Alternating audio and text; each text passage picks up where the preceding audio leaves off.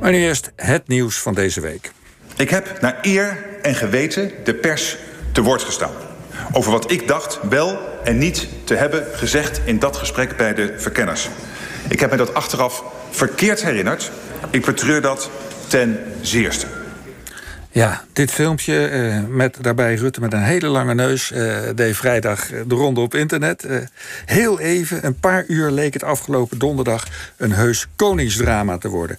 Maar uiteindelijk liet de Kamer Mark Rutte enigszins in leven. Er werd gesproken over de arrogantie van de macht, over oude machtspolitiek. En toch aan het eind van de rit mocht de zonnekoning, zoals Lilianne Ploem hem noemde, toch nog eventjes op de troon blijven zitten. De koning is dood, leven de koning. Daar kwam het eigenlijk op neer. En om ons bij te praten over in deze paasweek, de Goede Week, wel te verstaan... over de leidersweg van Mark Rutte en ook van het parlement... bij ons Henk de Velde, politiek historicus en hoogleraar... vaderlandse geschiedenis te Leiden. Henk, welkom. Drie weken geleden, de zondag voor de verkiezingen, was je ook bij ons. En toen deed je voor een historicus een uh, voorspelling. Je zei: het gaat niet lang meer duren met Rutte. Zijn houdbaarheidsdatum is op. Dat het zo dichtbij was als nu blijkt, zag je dat aankomen? Nee, nee, nee. Dat zou wel, wel wat veel eer zijn geweest. Ik, uh, ik, ik meende wel van, uh, er gaat een ongelukje een keer gebeuren. Uh, politiek bestaat uit ongelukjes en toeval. En je weet dat dat een keer gaat gebeuren. En ik dacht, hij heeft al zo vaak meegemaakt... dit gaat hem een keer opbreken. Dus dat, dat, had ik, dat gevoel had ik wel. Maar niet dat het zo snel ja, zou gebeuren. Nee. En je zei in dat gesprek ook... Um, hij heeft het aura van een groot staatsman... maar we zien om ons heen eigenlijk een lege huls. Wat hebben we afgelopen donderdag gezien? De grote staatsman of de lege huls? Nou ja, kijk, hij, hij heeft uh, uh, als bestuurder natuurlijk wel lange tijd laten zien dat hij wel wat kan. Dus daar hoeven we niet aan te twijfelen. Maar afgelopen week zagen we zijn zwakke kant, het tegendeel daarvan, dat hij. Dat hij ja, met handigheidjes probeert weg te komen. En dat, dat is één keer te veel gebeurd natuurlijk nu. Dus, maar dus hij was... Het gewoon keihard doorgaan met liegen de hele tijd. Ja, nou, het, interessant... Dat moet, ja, dat moet mensen toch... De, heb, heb je daar niet verbijsterd naar zitten kijken... of hoort dat bij de politiek? Nee, kijk, de, de, ik zou eerder zeggen, de waarheid niet spreken hoort bij de precies, politiek. Zijn kunst, was tot dusver, zijn kunst was tot dusver al door die halve waarheden. Hè, dat we er nooit helemaal achter kwamen hoe het nou zat. En nu in één keer stond het zwart op wit.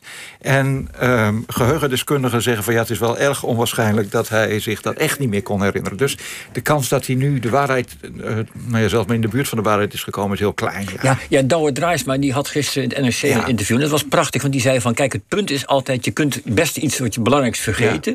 Maar als het dan op een bepaald moment weer opnieuw in de aandacht komt van andere mensen, dan kan zoiets belangrijks als in dit geval het noemen van de naam van omzicht, dat wordt getriggerd. Dan wordt je geheugen getriggerd en dan komt het weer terug. Het is onbegrijpelijk dat dat niet, dat kan gewoon niet, niet het geval geweest zijn. Ja. Goed, maar Henk, toen ik jou hier eerder over sprak, toen zei je van ja, dit, dit, Rutte staat eigenlijk voor een soort type politicus... waar ooit een hele intelligente, belangrijke socioloog... in het begin van de 20e eeuw iets over geschreven heeft. Vertel eens, wat, wat bedoelde je daar precies? Nou ja, ik moest denken aan uh, het beroemde opstel van Max Weber... over politiek als beroep. En dat is in zijn tijd, uh, uh, moet je dat plaatsen... maar je kunt er, als je het nu vertaalt naar, naar nu... dan is het nog steeds wel relevant. Want dat, politiek als beroep, daar speelde hij eigenlijk met twee woorden... Die in, twee betekenissen die in dat woord zitten. Beroep is enerzijds gewoon politiek als professie, uh, professionalisering. En anderzijds zit er het begrip roeping in. In mm -hmm. het Duitse po politiek als beroep zitten die twee dingen nog iets nadrukkelijker dan in, in het Nederlands. En uh, politiek, politici die moeten eigenlijk in zekere zin beide elementen uh, hebben. Um, en dus je, uh, politiek is een vak. Als je alleen maar in de politiek zit om iets te roepen, dat, dan, dan ben je toch eigenlijk niet echt politiek. Je, je, politiek is wel ook een vak. En tegelijkertijd moet je er, voor een ideaal zitten. Je, je moet het gevoel hebben, ik ben geroepen om iets hier naar voren te brengen.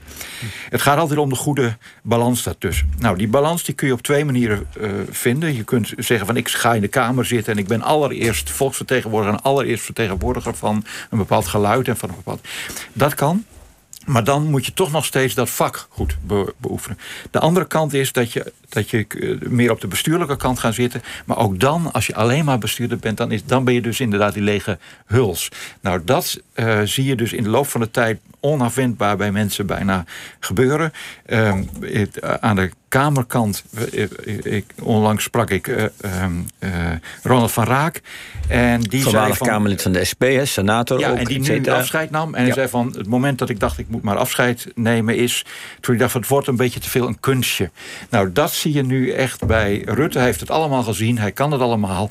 Ehm, hij zit er al heel erg lang. Hij heeft ook veel keren al zijn trucjes uitgehaald. Zijn tegenstanders kennen die. en, en dat gaat een, een tijd lang goed. en tot op een gegeven moment gaat het niet meer goed. En dat heeft er ook mee te maken dat je eigen politieke agenda dat die een beetje weg is geraakt. Heeft, het ook, heeft dan dit, je zegt je moet, onder, of je moet de, de ideale politicus verenigt politiek als beroep en als roeping in zich. Rutte heeft ooit die roeping misschien een beetje gehad of gevoeld. Daar kun je over discussiëren hoe groot en klein dat is. Mhm. Dat lijkt nu helemaal verloren. En is dat dan ook waarom die eigenlijk niet meer in slaagt überhaupt vertrouwen te krijgen en te winnen? Ja, dat, ik, nou ja, dat zie je dus in. Kijk, ik, ik kijk er wel van een beetje met afstand naar, naar politie ook in het verleden. Maar wat je dan ziet uh, met die blik en je kijkt naar dat, naar dat debat, dan zie je daar een. Uh, dan zag je daar een professional die je eigenlijk überhaupt niet meer geloofde, los van wat hij eigenlijk zei. Omdat je dacht, ja, het is te glad. Het is, te, het is gewoon een professional die hier zit te praten. En die zegt wat hij moet zeggen op zo'n moment.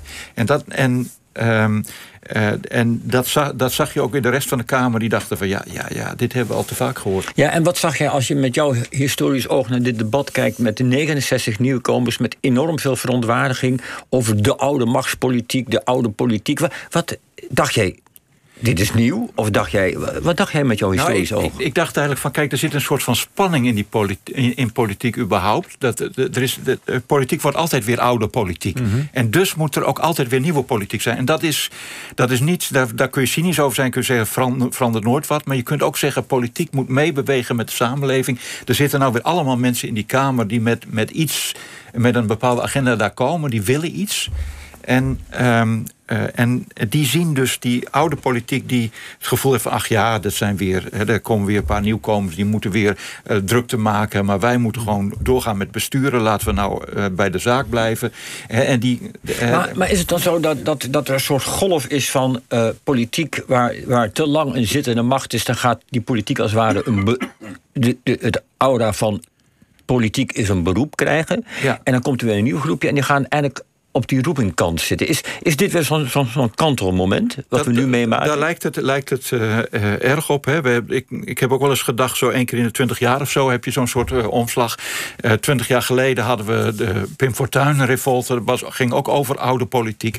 Als je daar twintig jaar daarvoor... dan zit je een beetje bij die, die omslag naar, naar, naar, naar, naar Lubbers en zo. En, en, en twintig jaar daarvoor dan is het de participatiepolitiek van de jaren zestig. Dus je ziet, je ziet ieder, telkens met zo'n generatie... zo'n enzovoort. Kom, komt er weer, komen er mensen terug die roepen om politiek als roeping en dat ook willen en die, die, dat is ook niet, niet, het is ook niet, uh, niet voor niks. Daar zit ook echt iets achter. Er, er zit een vernieuwingsbeweging achter. En, uh, en daar moet, iedere keer moet je daar dus weer opnieuw...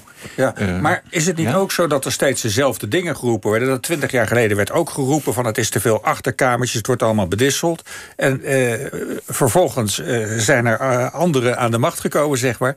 Maar die achterkamertjes zijn niet verdwenen. Er nee. wordt steeds weer hetzelfde geroepen. Nou ja, kijk, dat, dat, ook daar kun je een beetje cynisch over... Dus over... nieuw wordt ook weer oud. Dat... Ja, nou... Dat, ja en nee. Kijk, het is ook zo dat er, zit ook een soort onvermijdelijkheid in, in politiek. In de zin van dat je, je kunt niet uh, alleen maar op de markt staan. Je kan niet zonder achterkamertjes. Ja. Pim Fortuyn zei in de tijd van nou, ik, uh, ik ga in het katshuis wonen. Ik, ik uh, zaag alle bomen om, zodat iedereen precies kan zien wat daar binnen gebeurt. Ja, dat, zo ja, Je hebt het sinaasappelkistje nodig om op te staan en het achterkamertje. Even terug nog weer naar Rutte. Als je nou hem ziet, hè, de, uh, door, door Ploemen omschreven als de zonnekoning, uh, et cetera, et cetera.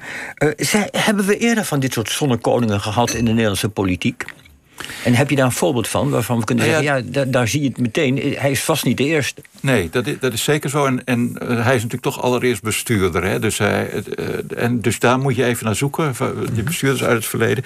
En, en twee parallellen die zich aan mij opdrongen... waren uh, in het betrekkelijk recente verleden Lubbers... en wat verder weg Hendrik Colijn in, de, in het interbellum. Laten we eens naar Colijn gaan. Want vertel even, Colijn, hoeveel kabinetten heeft hij gehad? En dat was ook zo'n man die zich niet kon voorstellen... dat hij eindigheid had als politicus geloof ik. Ja, ehm, ja, hij is gestruikeld over zijn vijfde uh, kabinet. Dus uh, wat dat betreft zou Rutte nog wel even te gaan hebben. Maar dat vijfde kabinet heeft het ook maar twee dagen volgehouden. Dus dat was ook inderdaad niet heel erg lang meer. Um, en dat Want het was allemaal voor de oorlog, hè, de jaren 30. Ja, dat 39, vijfde kabinet. Dat vijfde kabinet ja. speelt zich af in 1939. En um, dat bestaat uit heel. Het is een heel vreemd samengesteld. Er zitten meer liberalen in dat kabinet. Colijn was zelf een een orthodoxe eh, protestant, dus een confessioneel um, van de ARP. Uh, eh, en, en dan, er zaten meer liberalen in het kabinet dan in de Kamer, dus dat was ook wel erg vreemd. Het was een beetje een provocatie, dat kabinet. Hè. Hij wist ook wel van ik heb lang geen meerderheid. En hij, hij wilde eigenlijk de katholieken pesten, want die, die wilde, durfde niet goed voor de socialisten te, te kiezen. Maar ze wilden ook Colijn niet steunen. En, en hij zei van nou, nou moeten jullie maar eens even laten zien wat je dan wil. En hij hoopte en verwachtte dat het dan toch uiteindelijk weer weer zijn kant Maar het was ook een soort arrogantie dus, ken ik. Hè? Ja, arrogantie van ik, ik kan eigenlijk alles maken. Wat we nu bij Rutte ook een beetje zien. Ja, op een andere manier. Maar hij, hij heeft een motie van afkeuring gekregen, geloof ik. Of hoe is dat precies gegaan bij Ja, ja de, de, de, een katholieke motie van, eh, van, van ja, je kunt ik wel zeggen, een motie van wantrouwen... waarin zijn, het optreden van zijn kabinet werd afgekeurd. Dus echt... Heel, en en hij is, is er eigenlijk überhaupt ooit een minister-president blijven zitten... na een motie van iets van afkeuring? En is dat überhaupt, is dat model, hebben, zijn we, hebben het vaker gezien? Nou ja, de, de enige parallel die zich bij mij, dat was eigenlijk niet de minister-president, maar was eh, gek genoeg eh, Rita Verdonk, die ook in, die ook in een demissionair kabinet zat en toen een motie van afkeuring en bleef zitten. Maar dat, die was daarna eigenlijk wel zo ook nou ja, okay, dus- uitgeschakeld. Ja. Dat is een fijn voorbeeld voor de als die ja, zitten.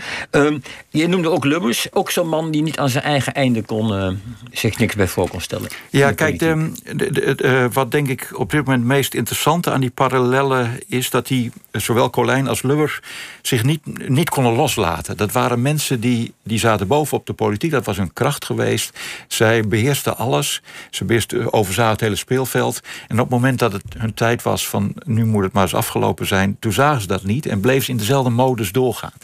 dat is dus wat je, wat je ook nu bij, bij, bij, bij Rutte ziet. van hij gaat er weer fris tegenaan, zegt hij en zo.